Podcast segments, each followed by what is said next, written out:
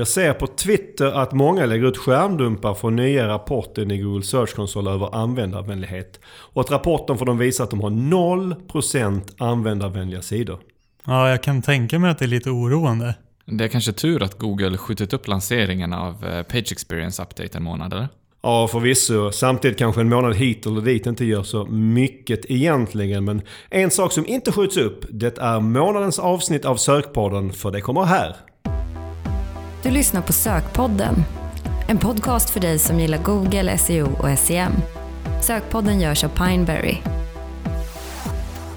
Varmt välkomna till avsnitt 71 av Sökpodden. Mitt namn är Mikael Wahlgren.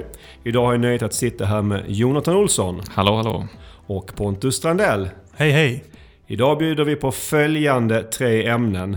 Eh, Vi ska prata om TCPA och eh, TROAS som försvinner. Vi ska prata om Zero Click och så ska vi avsluta med Tracking Templates för Google Ads. Hur eh, är läget med er idag? Jo tack Micke, det, det är bra. Solen har börjat lysa och värmen, värmen är här, så jag har varit ute på golfbanan en hel del nu. Har du något specifikt golfmål för 2021? Singelhandikappare. Så så det är mätbart mål såklart. Absolut, absolut. Pontus, det är första gången du är med i Sökpodden. Berätta lite vem du är. Pontus Strandell heter jag. En tränings och idrottsintresserad kille från Eskilstuna. Pluggade faktiskt idrott från början. Eh, hade planerat att börja jobba som hälsocoach eller personlig tränare. Varför blev det inte så? Det finns flera anledningar, men det korta svaret är att det inte fanns eh, så många intressanta jobb. Mm, och sen hamnade du inom digital marknadsföring. Det känns som ett ganska stort, stort kliv egentligen. Ja, men det, det är sant. Under tiden som jag pluggade så startade jag en verksamhet inom hälsa eh, och kom i kontakt med digital marknadsföring på den vägen. Sen fick jag ett jobb på Sörmlands Media där jag jobbade med Google Ads. Och sen fick jag möjligheten att komma till Pineberry och nu har jag varit här i två och ett halvt år. Jag är specialiserad Google Ads, men jag jobbar även med våra Amazon-projekt. Vad är det som gjorde att du fastnade för digital marknadsföring? Det som gör att du gillar det? Jag har alltid varit intresserad av den teoretiska biten av marknadsföring och försäljning. Hittar man, eller hur hittar man rätt person för sin produkt och hur uttrycker man sig när den personen eh, är framför sig? Jag gillar även mätbarhet och strategi, vilket gör att marknadsföring och, och speciellt digital marknadsföring passar som handen i handsken för mig. Eh, Du nämnde ju att du jobbar även med Amazon förutom då Google Ads. Eh, Det är många som frågar och funderar kring Amazon. Har det tagit fart i Sverige skulle du säga? Skulle säga både och. Det finns ett ganska stort intresse, eh, men jag upplever kanske att många e-handlare inte riktigt bestämt sig för om det är rätt väg att gå för dem. Vad skulle du säga? Är det rätt väg att gå? Jag skulle säga att det beror på från fall till fall. Men baserat på de case som jag jobbar med här på Pineberry så ser vi bra res- resultat. Och det handlar då inte bara om Amazon i Sverige utan svenska e-handlare som börjat sälja på Amazons andra marknader. Mm, vad bra. Vi har ju pratat om både Amazon SEO och Amazon Ads tidigare här i sökpodden och vi får säkert anledning att återkomma till Amazon längre fram. Kul att ha med det här i sökpodden Pontus och nu drar vi igång dagens första ämne.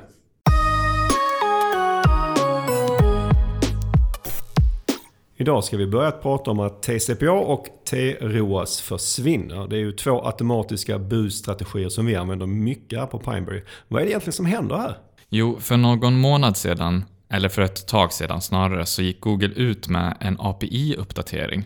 Där de skrev helt kort och gott att de kommer kombinera TCPA med maximera konverteringar och att maximera konverteringsvärde kommer att kombineras med TROAS. Och i förra veckan så släppte de även en artikel, en sån här supportartikel, där de bekräftade att TCPA och TROAS kommer försvinna även i, även i gränssnittet. Att eh, hålla koll så här på API-förändringar, det är oftast en bra kanske föraning av vad som komma skall, eller hur? Definitivt så är det verkligen. Mm. Sen är det ju som du var lite inne på redan nu, det kanske inte är så allvarligt som det låter för TCPA och TROS, de försvinner ju inte helt och hållet. Nej, precis. Det som kommer hända är att TCPA flyttar in hos Maximera konverteringar. Sen kan man sätta ett gränsvärde för CPA i Maximera konverteringar, så i praktiken blir det samma som TCPA-strategin idag. Samma gäller för TROAS, men då är det under strategin Maximera konverteringsvärde som du sätter ett gränsvärde för ROAS då. En target ROAS helt enkelt. Du kommer alltså kunna använda båda de här två strategierna tillsammans med TCPA eller TROAS. Det blir helt enkelt en för förändring, men ingen funktionell förändring. Så det är liksom egentligen ingenting som händer förutom att de byter plats. Precis, nej förutom att funktionerna byter plats så ska TCPA och TROAS fungera identiskt så som det gör idag. Mm. När händer detta? Det ska hända senare under året. Och en sak jag funderar på, vad händer? Vi har ju de ganska många kampanjer som eh, rullar TCPA och TROAs strategier. Vad händer med dem? Som jag förstår det så kommer de att flytta in automatiskt. Det vill säga att du behöver inte göra någonting för att eh, det ska slås om. Mm. Sen gillar vi ju alltid att spekulera i varför Google gör saker och ting och varför tror vi att de gör denna förändring? Ja, de skriver ju att de gör det för att förenkla. Eh, och det går ju i linje med många andra förenklingar som de gjort nyligen. Till exempel som att de fasar ut BMM som vi pratade om i eh, avsnitt 69. Sen kan man kanske spekulera i om de vill att man använder maximera strategierna mer. Eh, det vill säga utan target ROAS och utan target CPA. Eh, vi har ju nämnt budstrategierna maximera konvertering och maximera konverteringsvärde tidigare här i sökpodden. Men vi har inte pratat alls så ingående om, om dem. Eh, kort, vad innebär dessa budstrategier? Och då menar jag såklart hur de fungerar nu innan TCPA och TROAS flyttar in. Ja, maximera konverteringar eller maximize conversions. Det innebär att Google försöker maximera antalet konverteringar för din satta budget. Eh, och maximera konverteringsvärde eller maximize conversion values. Det innebär att Google, Google istället försöker maximera värdet av konverteringarna. Eh, det förutsätter att du angett ett värde såklart. Eh, alternativt att det sker automatiskt om du är en, en e-handlare. Mm. I vårt eh, Google Ads-webinar vi hade för ungefär två veckor sedan så fick vi ju ganska många frågor om just det maximera konverteringar, eller hur Jonathan? Ja, verkligen. Det brukar inte vara så många frågor kring, kring just det. Så det var lite förvånande. Det, det ökade intresset kanske hänger ihop med skriverierna eh, om, om den här aktuella förändringen med TCPA och TROAS. Mm. Och om vi återigen utgår från hur det fungerar idag och, och struntar i den stundande förändringen. Om vi då ställer TCPA och TROAS i den ena ringhörnan och maximerar konverteringar och maximerar konverteringsvärde i den andra. Var ställer ni er? Jag använder ju Target CPA och Target ROAS betydligt oftare. Eh, och det är det jag normalt föredrar. Varför är det så? Varför gillar du den bättre? Men som, som nästan allt med Google Ads handlar det om kontroll. Target CPA och Target ROAS så har du som annonsör mer kontroll över resultatet. Eh, sen innebär ju inte alltid mer kontroll ett bättre resultat, men jag skulle säga att ofta går de hand i hand. När skulle ni säga att maximera konvertering eller konverteringsvärde är att föredra framför TCPA och TROAS? Jag skulle säga att det är främst två olika scenarios. Det ena är att du är begränsad i budget och det andra är att du inte har tydliga CPA eller ROAS-mål. Mm. Eh, nu på morgonen på, innan vi spelar in det här så lyssnar jag på en annan podcast. Paid Search Podcast som jag tidigare nämnt som lite av en personlig favorit. Och eh, de pratade lite kort om denna nyhet och då sa Jason där att han aldrig riktigt förstått skillnaden mellan TCPA och maxa, maximera konverteringar. Att man alltid vill maximera konverteringar oavsett vad hans tes. Men där håller jag verkligen inte med eh, honom så antingen är det han eller så är det jag som är ute och cyklar. Enligt mig så är det, är det han, han, som är ute och cyklar. Sen kan det ju vara att man utgår från scenariot som vi nämnde precis, att du har en begränsad budget. Eh, och då kan jag förstå, då har han en viss poäng. Mm. Och på tal om det du nämnde om CPA och ROAS-mål på vårt webbinar som jag nämnde här tidigare som hette det ju Google Ads för marknadschefer. Där pratar vi bland annat om att det ligger ett stort ansvar på marknadschefen eller den person som ansvarar för marknadsbudgeten att den sätter ett så korrekt CPA eller ROAS-mål som möjligt. Så man kan väl nästan se det som att om marknadschefen gör sin del i detta, då är maximera konverteringar eller maximera konverteringsvärde inte så intressant. Jag håller med dig Micke, så kan man absolut se det.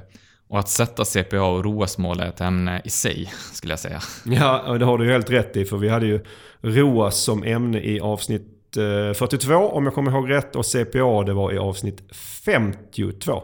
Om du har tagit fram ett bra relevant CPA-ROAS-mål, CPA eller ROAS-mål, då finns det ju heller ingen anledning att köra med en begränsad budget egentligen. Som annars som sagt kan vara en, en av anledningarna till att du vill maximera konverteringar eller konverteringsvärde istället för ett ROAS eller CPA-mål. Mm, precis, så är det så att du har koll på dina mål och du når dem, för det hoppas ju vi att man gör såklart. Då vill du ju springa till Riksbanken och hämta alla pengar du kan få med dig och absolut inte på något sätt vara begränsad i budget. Men om man nu kör maximerade konverteringar eller konverteringsvärde, vad är det viktigt att tänka på i det fallet? Här gäller det att hålla koll på budgeten och vad du får för den. Vad händer annars? Om du har en hög budget och kör maximera konverteringar eller maximera konverteringsvärde så kommer Google göra allt de kan för att försöka spendera budgeten. Det gäller alltså oavsett hur många konverteringar det ger dig. Eh, så rent krast, om du har tur så blir det många. Eh, men om du har otur så blir det få. Helt enkelt, du vet inte riktigt vad du får för budgeten. Så då kanske man ska tänka att man, om man nu kör de här eh, smarta budstrategierna så ska man kanske börja med en låg budget. Ja, det är alltid en balansgång. För med allt för låg budget händer ju ingenting alls. Men jag skulle ändå säga att det är bättre att börja lite lugnt och sen öka budgeten när du ser hur många konverteringar du får. Mm. Vad bra, tack för de tipsen och eh, med det så avslutar vi snacket om att TCPA och TROAS försvinner in i maximera konverteringar och maximera konverteringsvärde och går vidare till dagens andra ämne. Nu ska vi prata om Zero Click. Så trenden att det blir mer och mer Zero Click har ju varit på tapeten i ett eh, par år nu och diskussionen kring, kring Zero Clicks blossade upp igen i samband med att Brand Fishkin publicerade en undersökning som visar att 65% av alla googlingar inte leder till ett klick.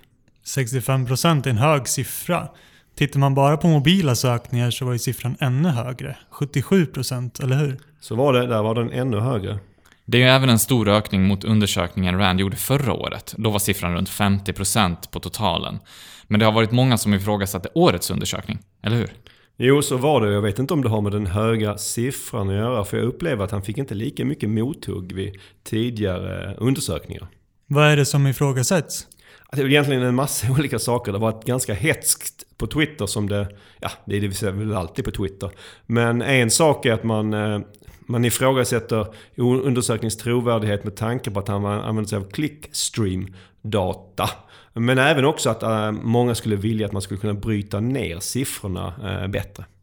Eller hur har vi pratat om clickstream-data förut? Ja, det har varit uppe ett par gånger här faktiskt. Och, äh, I förra undersökningen så använde sig Rand av clickstream-data från Jumpshot. Men Avast då, alltså antivirusföretaget som ägde Jumpshot stängde ju ner den tjänsten förra året på grund av det var känsligheter eller eh, man började ifrågasätta kring hur datan som Jumpshot eh, samlade in eh, faktiskt såldes vidare och hur man, på vilket sätt man gjorde det. För Clixium-data så är det ju så att det samlas in data via till exempel ja, ett tillägg i din webbläsare och du som användare kanske inte alltid är fullt medveten om att den här datan eh, samlas in. Vad fick RAN datan från i år?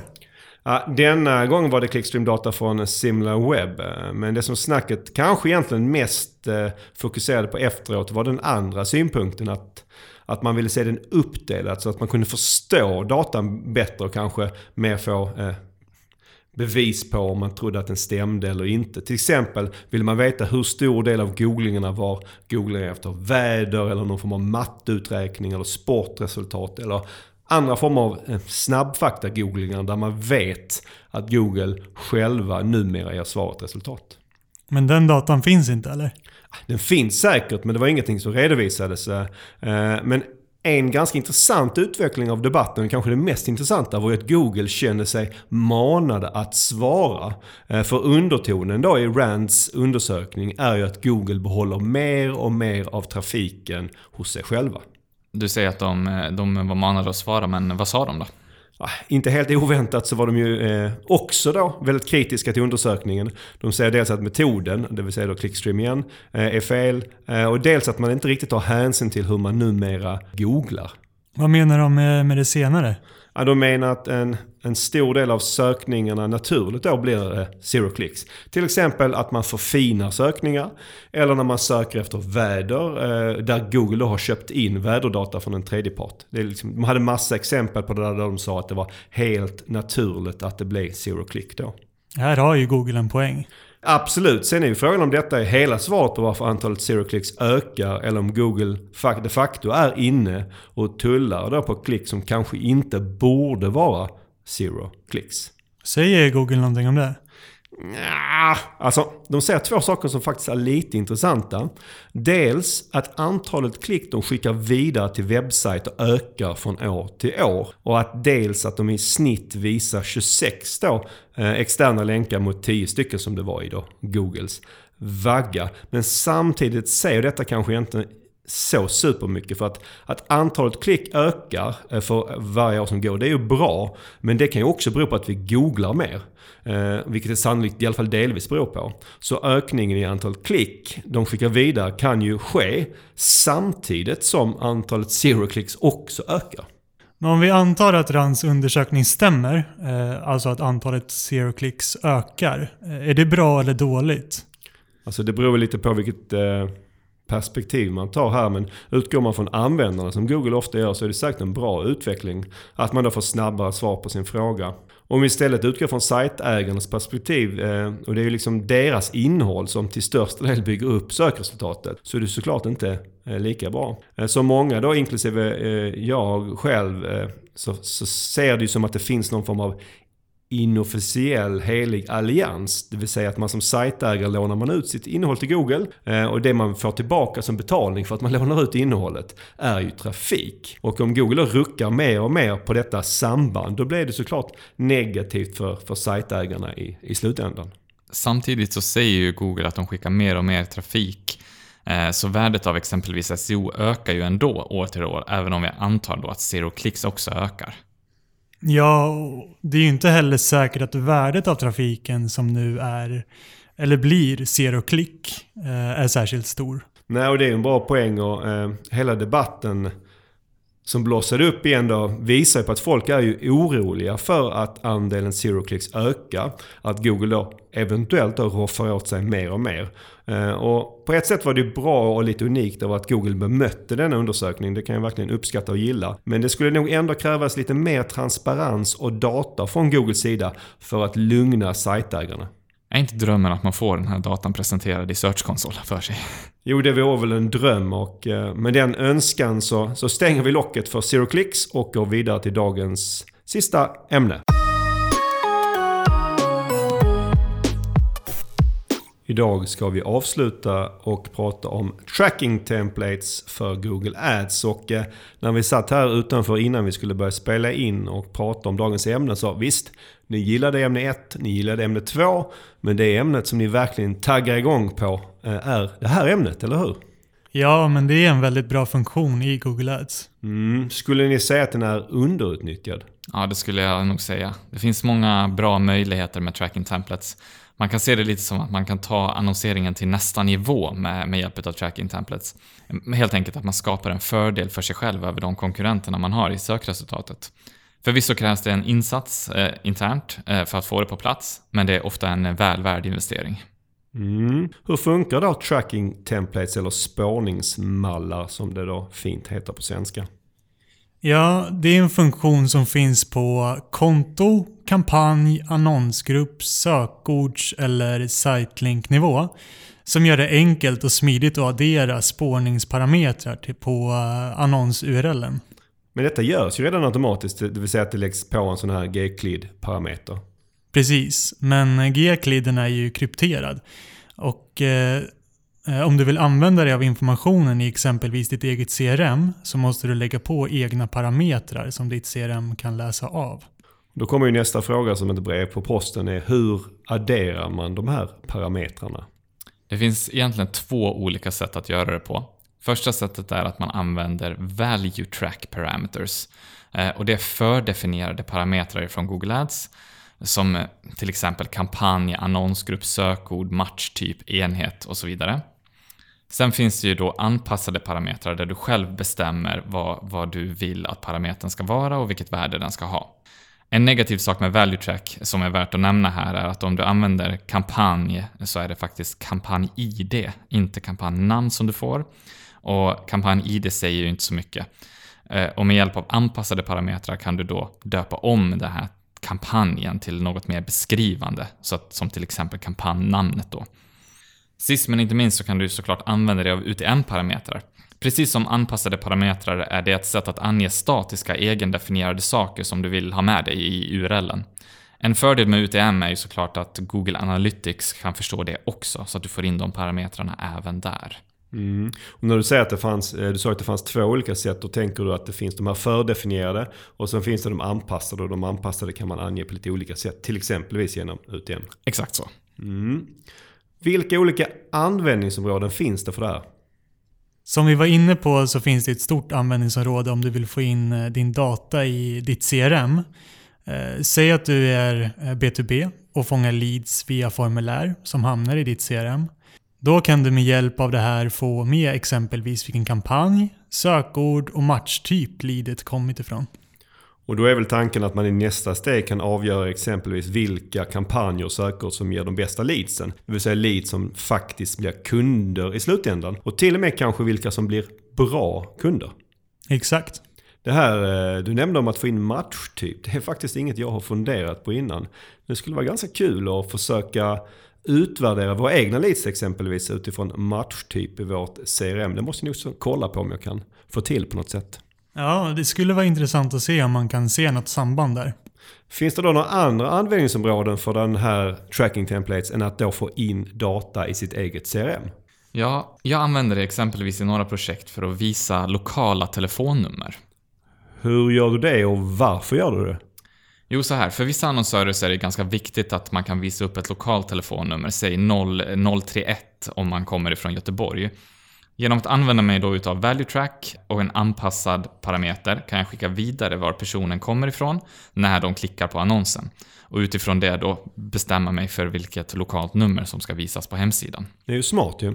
Sen finns det ju även annonsörer som av olika anledningar inte använder sig av Google Analytics utan istället använder kanske Microsoft BI eller något annat webbanalysverktyg. Då kan du använda det för att få in data där istället. För det är väldigt vanligt att de här verktygen som Google inte äger om du väljer någon annan part, partner, att de faktiskt inte kan läsa den här G-kliden överhuvudtaget. Ytterligare ett användningsområde är att spåra in i appar. Till exempel om ditt mål med annonseringen är att driva nedladdningar och att personen agerar på ett eller annat sätt i appen. Eh, det här kan ju vara lite krångligt att få till, eh, men här kan tracking templates eh, vara bra, ett bra verktyg. Är tracking templates för alla annonsörer? Ja, man kan nog hitta värde för de flesta annonsörer. Men det är ju såklart mest värt för annonsörer som kanske får in leads i ett CRM. Och att man då med, med tracking templates kan förstå värdet av leadsen och annonseringen bättre. Så då skulle du säga att det är ingenting man ska använda som e-handlare? Det går att hitta användningsområden även för e-handlare. Men e-handlare har ju ofta fördelen att man mer eller mindre automatiskt får in all sin data i Google Analytics. Eh, de får in hur många faktiska ordrar som har lagts och vad själva värdet på ordern var. Och den typen av data som tjänsteföretag ofta saknar i Google Analytics är ju en annan typ av data. Så att e-handlare har det lite enklare skulle jag säga. Mm. Så man kanske kan lite se det som att med hjälp av tracking templates kan då icke e-handlare få till i alla fall nästan lika bra beslutsunderlag för annonsering som e-handlare får. Ja, lite så är det. Sen krävs det som sagt en del för att få till detta och få det på plats. Dels att man sätter upp det i Google Ads, men framförallt att man integrerar det med sitt CRM. En annan sak att tänka på är mängden data. För säg att du är ett tjänsteföretag som bara får in ett fåtal leads per månad. Eh, då kanske det ändå inte hjälper dig så mycket eh, om du får in mer data kring, eh, kring de här leadsen i ditt CRM. För du kommer ändå ha ett för litet statistiskt underlag för att kunna dra slutsatser kring. Så det krävs en viss mängd konverteringar för att det ska funka bra, vilket ju är samma sak som gäller för det mesta i Google Ads. Ja, men precis. Så är det. Vilka vanliga misstag gör man när man jobbar med tracking templates? Jo, du skriver ju en form av kod när du gör dina parametrar. Så det är viktigt att du håller tungan rätt i mun och inte missar en parentes eller ett kommatecken någonstans. Hur säkerställer man att man inte missar en, en parentes till exempel? Det går att previewa annonserna, så du kan gå in under annonsnivå och previewa final URLen. Då kan du se hur URLen ser ut för slutgiltiga användaren. Men jag skulle säga att det absoluta final test är att du ser i CRM att parametrarna hamnar i rätt, på rätt ställen. Mm, vad bra, tack för det. Eh, här tänker jag att vi avslutar vårt snack om tracking templates för Google Ads och det är dags att avrunda dagens avsnitt. Innan vi stänger butiken för idag vill jag påminna om att vi på Pineberry söker nya kollegor. Ja, gå jättegärna in på jobb.pineberry.com och kolla vilka roller vi har eh, eller skicka en spontan ansökan helt enkelt. Vi ser fram emot att förhoppningsvis få någon av er lyssnare som vår nästa kollega. Mm. Och har du feedback på dagens avsnitt eller om det är något speciellt ämne du vill att vi tar upp nästa gång, ja då hör du av dig som alltid till SOK podden at pineberry.com. Tusen tack för att du har lyssnat idag. Sköt om dig så hörs vi igen nästa månad. Tack för idag. Tack, tack.